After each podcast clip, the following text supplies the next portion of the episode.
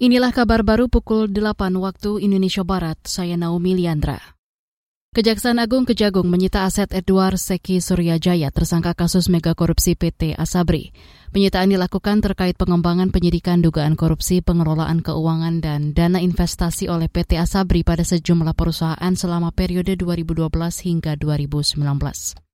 Mengutip antara news.com, juru bicara Kejagung Ketut Sumedana menyebut aset itu ialah uang sebanyak 20 miliar rupiah.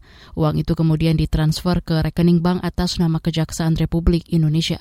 Uang tersebut kemudian akan dijadikan barang bukti perkara.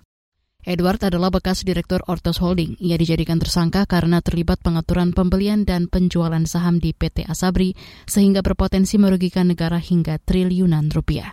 Edward kini juga berstatus terpidana dan terdakwa dalam sejumlah perkara korupsi lain. Presiden Joko Widodo dan Ibu Negara Iriana hari ini akan mengunjungi pabrik pengolahan sorghum di Kabupaten Sumba Timur, Nusa Tenggara Timur. Presiden juga akan menanam sekaligus menyaksikan panen sorghum pada hari ketiganya di NTT. Agenda itu salah satu rangkaian kegiatan yang dilakukan Presiden selama kunjungan kerja di sana. Sebelumnya Presiden juga memperingati hari lahir Pancasila di ND NTT. Setelah melakukan sejumlah kegiatan tersebut, Presiden dan rombongan akan ke Pasar Impres Matawai untuk menyerahkan sejumlah bantuan sosial, antara lain bantuan langsung tunai atau BLT. Kemudian pada siang hari Jokowi dan rombongan akan kembali ke Jakarta melalui Bandara Umbu Mahangkunda. Selain ditemani Ibu Negara dalam kunjungan kerja tersebut, Presiden juga didampingi Sekretaris Kabinet Pramono Anung dan sejumlah pejabat lain.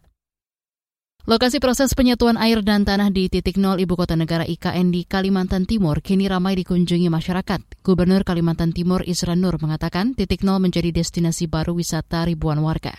Kata dia di sana juga terdapat berbagai satwa dilindungi, di antaranya monyet berekor panjang. Tidak apa-apa, bagus. Artinya masyarakat ingin tahu apa sih sebenarnya eh, titik nol IKN itu. Jadi titik nol IKN itu sebuah sebuah pedoman referensi untuk pembangunan infrastruktur. Bukan di situ istana, bukan. Istananya kira-kira tiga setengah kilo dari situ. Apa-apa bagus saja didatangi orang kan, artinya dukungan semakin banyak.